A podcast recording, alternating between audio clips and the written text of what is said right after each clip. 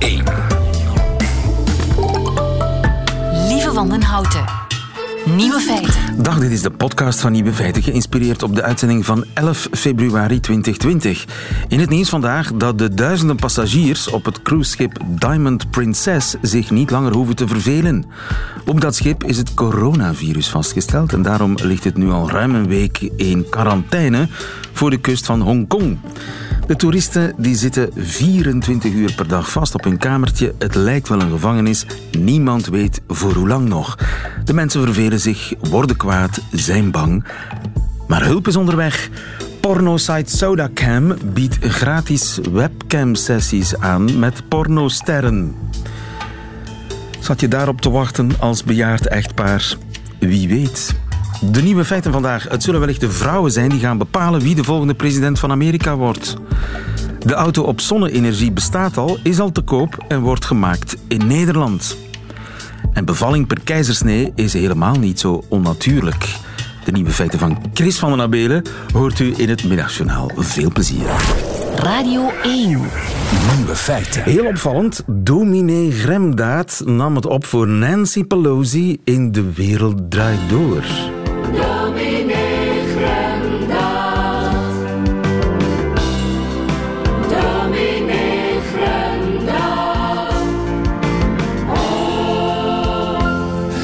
Pelosi, de voorzitter van het Huis van Afgevaardigden in de Verenigde Staten. De vrouw die na afloop van de State of Union toespraak van Donald Trump zijn tekst verscheurde. Heel, heel integer en heel, heel gepland. Zij was woedend. En veel commentatoren die vonden, nou, dit gaat toch wel echt te ver. En dit is schadelijk voor de democraten in de Verenigde Staten. Maar ik en met mij heel veel weldenkende mensen... die vonden het een daad van moed. En een hart onder de riem voor de democraten. Je moet het maar durven, dames en heren. Kijkers, om na de toespraak van een demagogische, bijna dictator... zijn toespraak heel, heel subtiel te verscheuren. Het is demagogie met demagogie beantwoorden. En soms mag dat. Soms is het effectief. In een ruzie mag je ook demagogisch zijn. En in Amerika zou dit best een kantelmoment kunnen zijn in de verhouding tussen de Republikeinen en de Democraten. Ineens laten de Democraten hun tanden zien. Tot hier en niet verder, godverdomme. Tot hier en niet verder. Nancy Pelosi die liet blijken dat zij de belangrijkste vrouw van de Verenigde Staten is. Heerlijk, dames en heren, om zo'n schoonmamalette te hebben, denk ik dan. Dames en heren, ik wens u nog een hele fijne voortzetting en een aangenaam etmaal.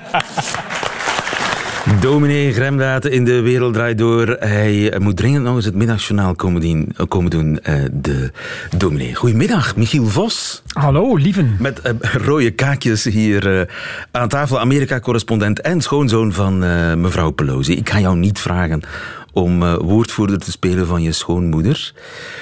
Maar zou het kunnen dat zij gescoord heeft bij een veronachtzaamd, maar heel belangrijk deel van de kiezers, namelijk de vrouwen?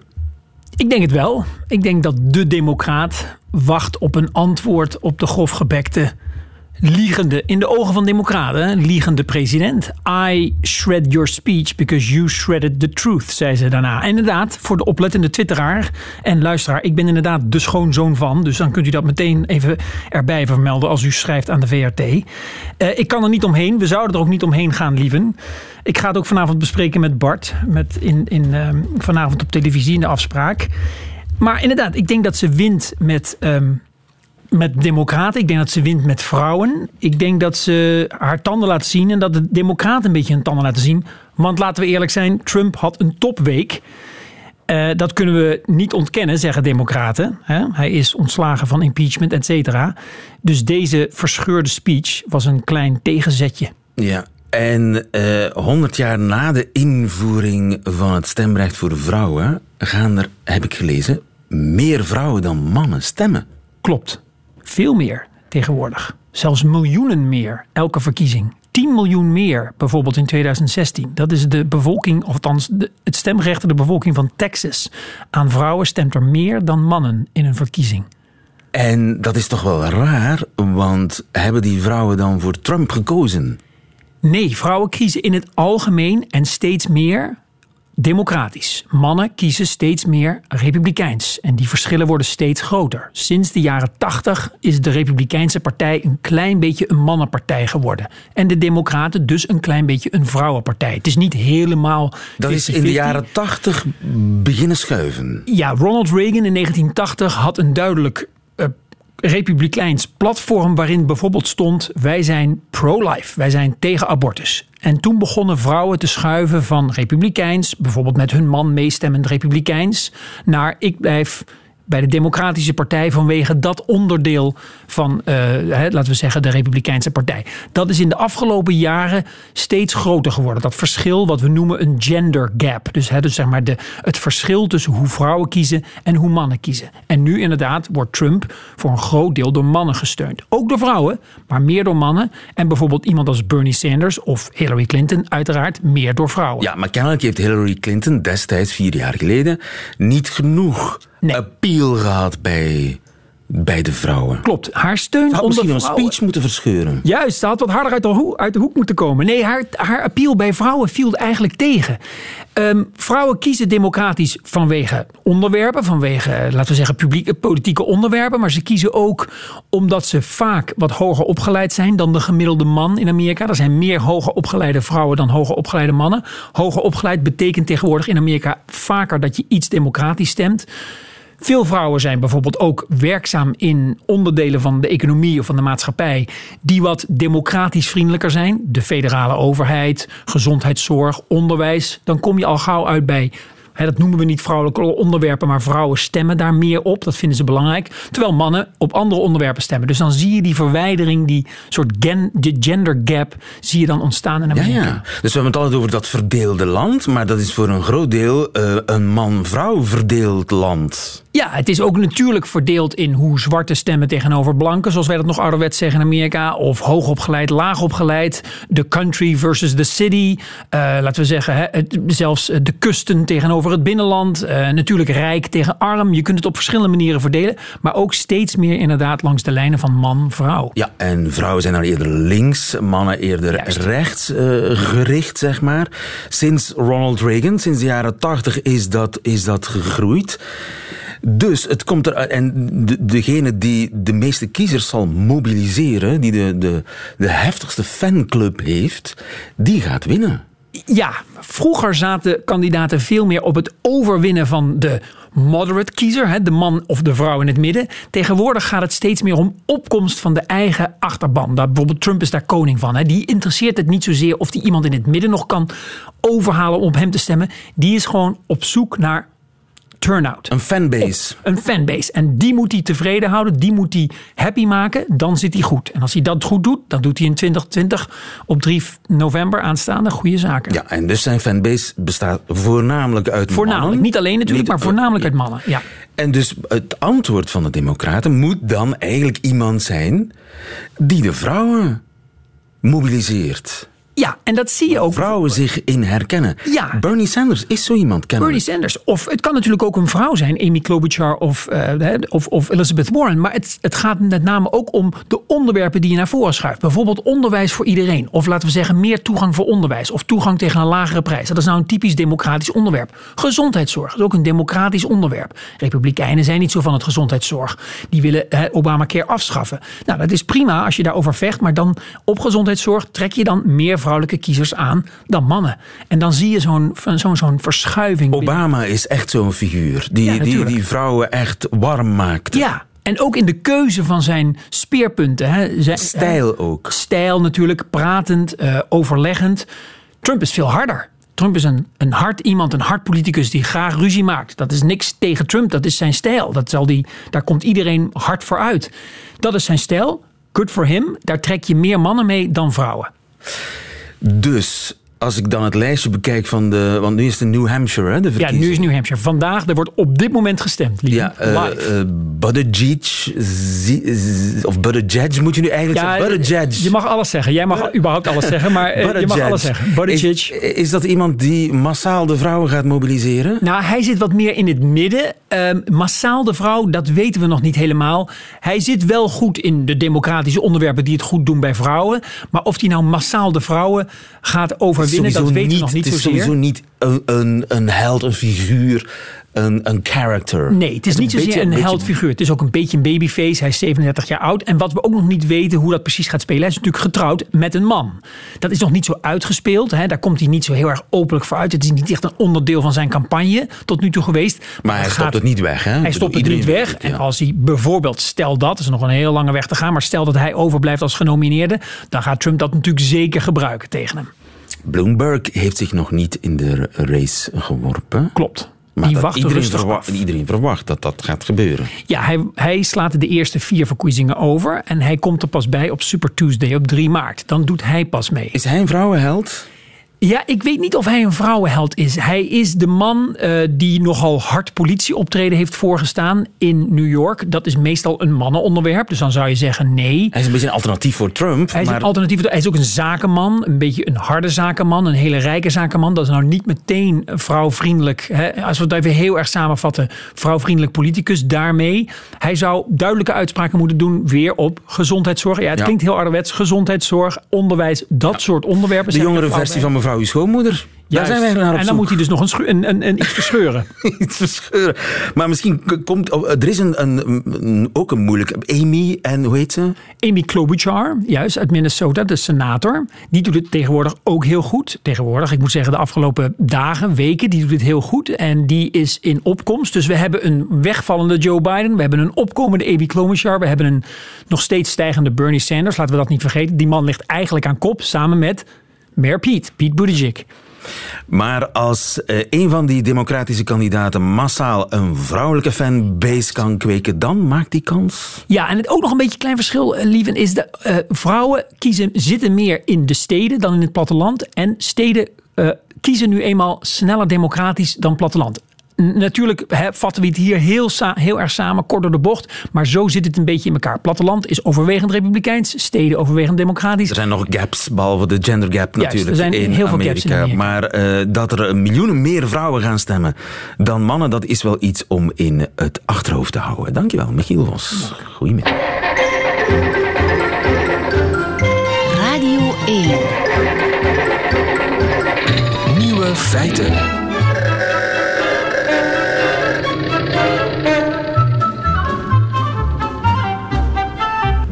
Rijden op zonne-energie. Het klinkt als een eh, roze droom in mijn oren, eh, toch tenminste.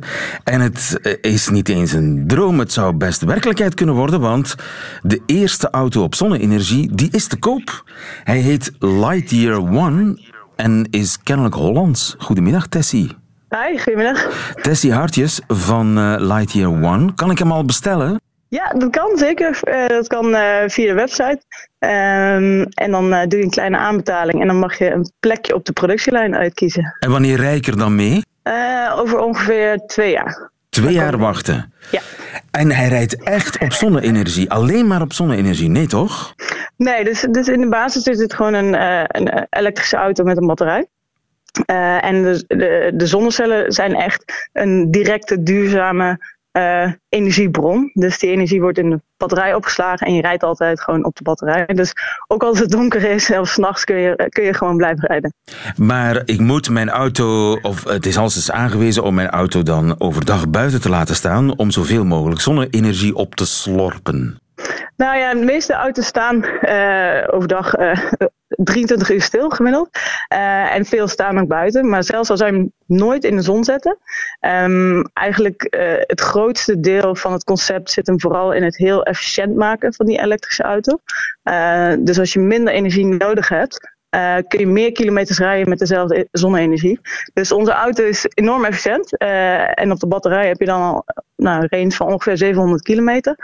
En alles wat je dan met de zon rechtstreeks oplaadt zonder, eh, zonder iets voor te hoeven doen, dat hoef je niet meer uit het net te halen. Dus dat zorgt er eigenlijk voor dat je veel minder vaak hoeft op te laden. Maar eh, hoe ver kan ik rijden met één dag zon? Louter en alleen de zonne-energie. Dat ligt een beetje aan waar je, waar je op de wereld zit. Maar voor Nederland en België zit, zit dat ongeveer op een goede mooie dag eh, tussen de 50 en 70 kilometer. Dat is wat je bijlaat. Eh, gemiddeld rijden mensen 40 kilometer op een dag ongeveer. Dus dan zou je al eh, je dagelijkse woon-werkverkeer eruit kunnen halen. Ehm, maar het betekent ook dat je misschien wel eh, in de zomer ehm, vijf, zes weken achter elkaar kan blijven doorrijden zonder dat je überhaupt hoeft op te laden. Ja, dus toch, het is meer dan alleen maar marketing, hè? De, de etiketjes zonne-energie. Nou, zeker, zeker. En, je, en eh, eh, het nadeel voor ons in die zin is, is dat er wel in het verleden ook auto's zijn geweest die zonnecellen hadden. Ehm, maar daar was het echt alleen om de radio eh, daarop te laten werken. En bij ons is echt eigenlijk 80, 90 procent van wat wij, van ons concept zit hem vooral in het energie-efficiënt maken. Ehm, en dan pas heeft het eigenlijk zin om zonnecellen op een auto te leggen. Dus eh, nee, is zeker meer dan marketing. Het is, eh, het is onafhankelijkheid en eh, duurzaamheid. En de auto is bedacht, ontwikkeld in Nederland. Ja, dus ehm, eigenlijk is Lightje ehm, opgericht door vijf oud-studenten uit het eh, Solar Team Eindhoven. En dat Het Solar eh, Team van Eindhoven. Ja, ja, ja, die hebben vaak wedstrijden gewonnen met zo'n soort zonneautootje, toch? Ja, zeker, zeker. Dus die zijn eh, vier keer wereldkampioen ge- geworden. Ehm, en dan vooral door het bouwen van een auto die met zo min mogelijk energie, zoveel mogelijk mensen over een, een bepaalde afstand eh, kon vervoeren. Dus ze zijn echt eh, world champions in efficiency eigenlijk. Ja, dus daar komt de know-how grotendeels vandaan. Maar de, de auto zelf is ontworpen door een Belg. Ja, dat klopt. Dat, eh Louis Vermeers is dat. Hij is een eh, oud hoofdontwerper van Pininfarina, een heel bekende designstudio. En ehm, zijn, zijn, zijn bedrijf heeft ook zelfs geholpen bij het ontwerp eh, van een van die zonneauto's. Eh, en zo kennen we, kennen we elkaar. Ehm, en toen hebben wij hem benaderd en hij was eigenlijk direct enthousiast. Ja, ik heb hem hier gegoogeld. Hij ziet eruit als een, eh, een gezinswagen met, met vier deuren. ja, je kan, eh, dus, het is, eh, hè, ons doel was om gewoon een, een, een echte vijfpersoons auto te maken. Eh, en het is een, ja, een, een ruime auto, net als een, qua afmeting een beetje vergelijkbaar met een, een, een Tesla Model S. Ehm, en het mooie is, wij hebben de motoren in de wielen. Dus je hebt eigenlijk heel veel bagageruimte ook. Dus je hebt een heel efficiënte auto, maar ook een heel ruime auto. Motoren in de wielen. Ja. Ja, dus in, eh, we hebben vier wielen, zoals elke auto. En in elk wiel zit dan een motor. Eh, en dat maakt de auto eigenlijk nog weer een stuk efficiënter. Eh, dus je de onderkant van de auto is heel mooi glad. En dus daar glijdt de lucht overheen. Dus heb je minder weerstand, kost minder energie. eh, heb je weer minder batterij nodig. En, en het scheelt gewicht. Dus je hebt geen overbrengingsas. Dat scheelt ook weer verliezen. Ehm, dus die, eh, die motoren. En het fijne is eigenlijk ook dat je dus elk wiel kan je los van elkaar aansturen. Dus je hebt ook nog eens een enorm goede grip op de weg. Oké, en waar wordt die auto gebouwd? Ehm, de auto wordt nu in Nederland gebouwd. Eh, en daar is die ook eh, ontworpen. En misschien nog als ik weer even terugga naar. We hadden het over die motoren en die wielen. Dus ons doel is uiteindelijk om elektrisch rijden voor iedereen toegankelijk te maken. Voor Eh, iedereen toegankelijk, omdat- want ik, wat ik allemaal gehoord heb tot nu toe klinkt heel duur. nee, dat klopt. Dus je moet, eh, je moet je voorstellen, wij zitten helemaal aan het begin eh, van deze ontwikkeling. En wij, om die auto zo duurzaam mogelijk en eigenlijk onafhankelijk mogelijk van het elektriciteitsnet te maken, ontwikkelen wij dus een aantal dingen zelf, zoals het zonnedak en de motoren. Ehm, maar daarmee kan die wel eigenlijk rijden op basis van nou ja, elke plek in de wereld waar een stopcontact te vinden is en, en de zon. Dus dat is al bijna overal. Ehm, en wat je dan nog nodig hebt is eigenlijk schaal. Dus eh, aan ons eh, nu de taak om te zorgen dat eh, als onze technologie zeg maar, op een niveau is dat we het kunnen schalen, om zo snel mogelijk naar een volumemodel te gaan, waardoor de aanschafprijs eigenlijk veel lager wordt. En omdat je dus ook heel weinig energiekosten hebt, die auto kost eigenlijk heel weinig per kilometer, heb je een hele goedkope eh, en duurzame vorm van mobiliteit. Ja, maar de eerste auto's die gaan hoeveel ongeveer kosten? Ja, en dus die, eh, dan zit je in een heel laag volume. eh, en die zitten op ongeveer 120.000 euro ex-BTW.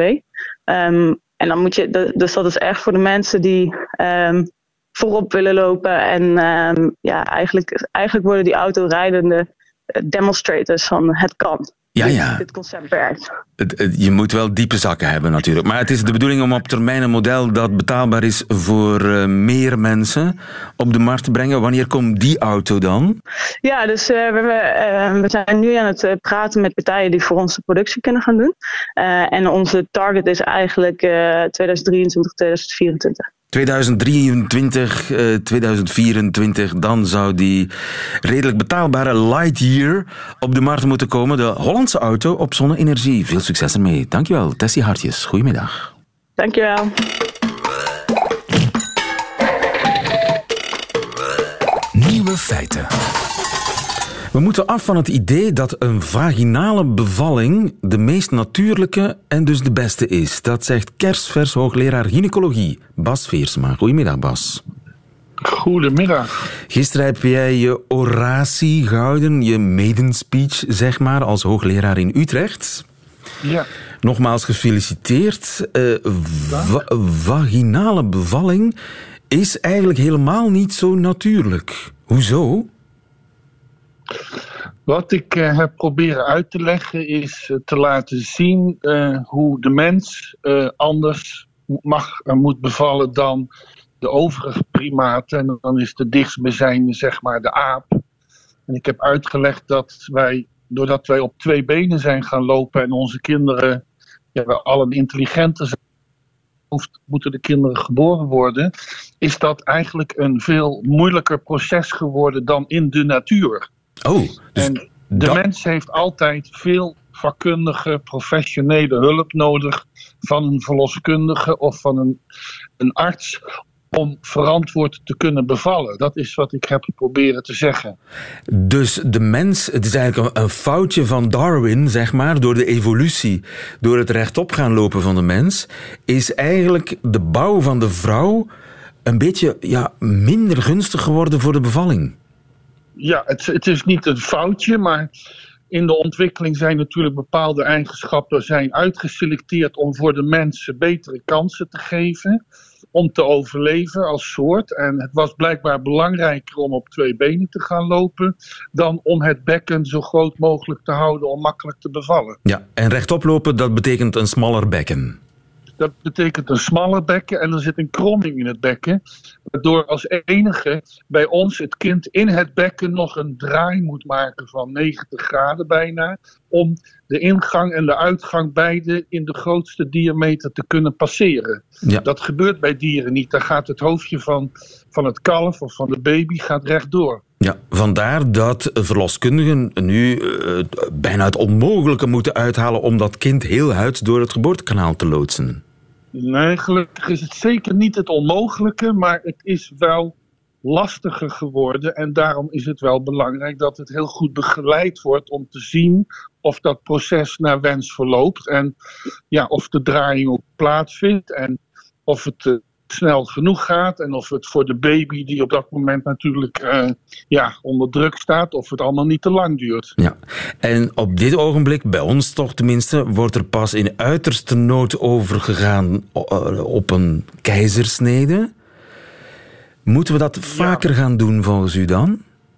Ik vind niet dat we het vaker moeten doen. Ik vind wel dat wij achteraf soms moeten constateren bij een vrouw die bevallen is en bijvoorbeeld een, een, zwaar letsel, op heeft, waar letsel is opgetreden van de bekkenbodem, dat we dan achteraf zeggen, misschien hadden we hier beter een keizersnee kunnen doen. En ik zou zo graag willen door met elkaar de handen in elkaar te slaan, dat wij van tevoren beter kunnen selecteren wat het risico voor de vrouw is om vaginaal te bevallen. En kun je dat vooraf berekenen, dat risico? Dat gaan wij proberen. Dat hebben ze in Zweden al gedaan. Zweden heeft een wat ander zorgstelsel, waardoor ze makkelijker bij hun gegevens kunnen komen. En daar hebben ze van heel veel vrouwen die bevallen zijn van slechts één kind. En dan hebben ze gekeken met keizersnee bevallen of vaginaal bevallen. Hebben ze vergeleken hoe vaak die vrouwen op oudere leeftijd problemen hebben van hun bekkenbodem. Ja. In de vorm van eh, verzakking, incontinentie. En dan zien ze een heel duidelijk verschil dat de vrouwen die een keizersnee hebben gehad, die hebben veel minder dit soort klachten. En hun hoeveelheid klachten is gelijk aan vrouwen die nooit zijn bevallen. Want wij denken altijd, ja, vaginale geboorte eh, is beter, want keizersnede, dat is toch een operatie, risico's, bla bla bla. Maar eigenlijk, eh, we vergeten de, de risico's bij vaginale geboorte voor die vrouw later. Ja, dat is ook zo moeilijk, hè, omdat dat op dat moment helemaal niet in beeld is. Op dat moment is hoe de moeder op dat moment is en hoe het op de baby op dat moment is. En dat zijn de criteria. En we houden minder rekening met de, de gevolgen over 20 jaar. Ja, en maar met is, een levensverwachting van 86, wij, wij worden steeds ouder, heeft een vrouw die in de overgang is, want dus na haar 50ste, heeft ze veel meer kans op klachten. Waar ze dus zeg maar gemiddeld nog 36 jaar eh, mee moet ja, leven. en dan is het te laat, hè? Dan kun je wel zeggen, had ik toen maar keizersnede gedaan. Ja, En dan in Zweden we kunnen ze dat beter voorspellen. En eh, heb je dan een. oh ja, eh, ga je dan meten? Hoe breed is het bekken? Hoe zit dat geboortekanaal in elkaar? Ah, dan kunnen Precies. we. Ja, oh ja. Dus wat we doen is, of wat ze daar gedaan hebben, ze kijken van hebt u een belaste familieanamnese, dus had uw moeder al dit soort problemen of uw oma. Dan kijken ze naar de lichaamslengte van de vrouw, want hoe kleiner je bent, hoe kleiner je bekken. Ze kunnen het, geschat van, eh, het, eh, het gewicht van de baby schatten. Ze weten de leeftijd van de vrouw, want die is ook van invloed, en het gewicht van de vrouw. En op grond van dat model kunnen ze een risico-inschatting maken wat die bevalling voor hun zal doen. Maar dat moet nu allemaal nog ja, gaan plaatsvinden. Dus we weten pas over heel veel jaar of we met het model al deze problemen hebben kunnen voorkomen. Ja, maar in Zweden zijn ze daarmee bezig. Dus eh, dat zal dan wel binnenkort blijken. Maar Ja. we gaan dan hoe dan ook naar meer keizersnedes. Nou, ik hoop dat we misschien door ook aandacht te besteden aan de vrouwen die misschien een keizersnee krijgen waar die onnodig is, dat we daar ook wat kunnen verbeteren met elkaar. Dus ik, eh, het is niet de bedoeling om meer keizersnedes te doen. Het is de bedoeling om uiteindelijk de kwaliteit van leven voor zowel de baby als de moeder zo goed mogelijk te bewaken en daarop in te spelen. Ja, op langere termijn. Dankjewel, Bas Veer, Veersema. Heel helder. Goedemiddag. Oké, graag gedaan. Dag. Goedemiddag. Dat waren ze, de nieuwe feiten van 11 februari 2020. U krijgt alleen nog die van Chris van den Abelen in het Middagjournaal. Nieuwe feiten. Middagjournaal. Beste luisteraar, ik wil mij op voorhand excuseren voor de zelfgenoegzaamheid van dit dagboekfragment. Ja, ik ben vanmiddag zo tevreden met en over mezelf. Kent u het Lago di Seo in Lombardije, Italië? Wat? Kent u dat echt niet? Ik wel hoor. Enfin, sinds eh, vanochtend toch. Ik heb er zelfs rond gefietst. Ik heb me nogthans zo hard voorgenomen om waardig ouder te worden zonder onzin, maar ik ben door de knieën gegaan voor de virtuele realiteit. Ja, ja, virtual reality. Per velo nog wel. Zoals vele oudere jongeren ben ik een fietsbekeerling en tot verveling of ergernis van mijn dichte medemens zelfs een fietsapostel. Amen. En ik moet toegeven, zoals veel fietstoeristen die hun huis al hebben afbetaald, ben ik qua fietsmateriaal lichtjes aan de snobistische kant. Ik sta, net als de meeste van mijn lotgenoten, minstens 10 kilo te dik, maar als het over nieuwe materie gaat, waardoor onze fiets plots 200 gram minder gaat wegen, oh, dan zijn we bij de pinken hoor.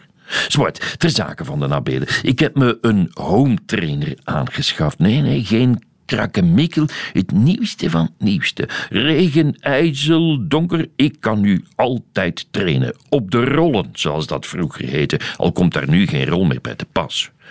Bluetooth, zover was ik al, dat kende ik. Maar ik was toch blij verrast dat er een appje bestaat waardoor ik op mijn gsm-schermpje kan volgen hoe snel ik rijd, hoeveel watt ik steek en heel de reute me teut. Leuk. Maar het beste had ik nog te goed. In die doos waarin die home trainer zat, stak ook een waardepon. Eén maand gratis premium. Er stond een code op en die code kon ik op dat appje invullen. Zo gezegd, zo gedaan. Beste luisteraar, ik werd met verstomming geslagen, want op dat appje kwamen plotseling honderden virtuele ritten tevoorschijn. Zo virtueel dat het bijna echt lijkt. Je kiest een regio, waar dan ook, je drukt op het startknopje en je begint te trappen. Afhankelijk van je ritme zie je de omgeving, zoals in Google Street View, passeren. Als het omhoog gaat, verhoogt de weerstand heel precies op uw tandwiel. Je kan zelfs in het wiel van een andere coureur kruipen. Zo heb ik dus vanochtend het Lago di Seo ontdekt in Lombardije. Heel schoon en niet te lastig per velo. Morgenochtend ga ik even fietsen in Zwarte Woud.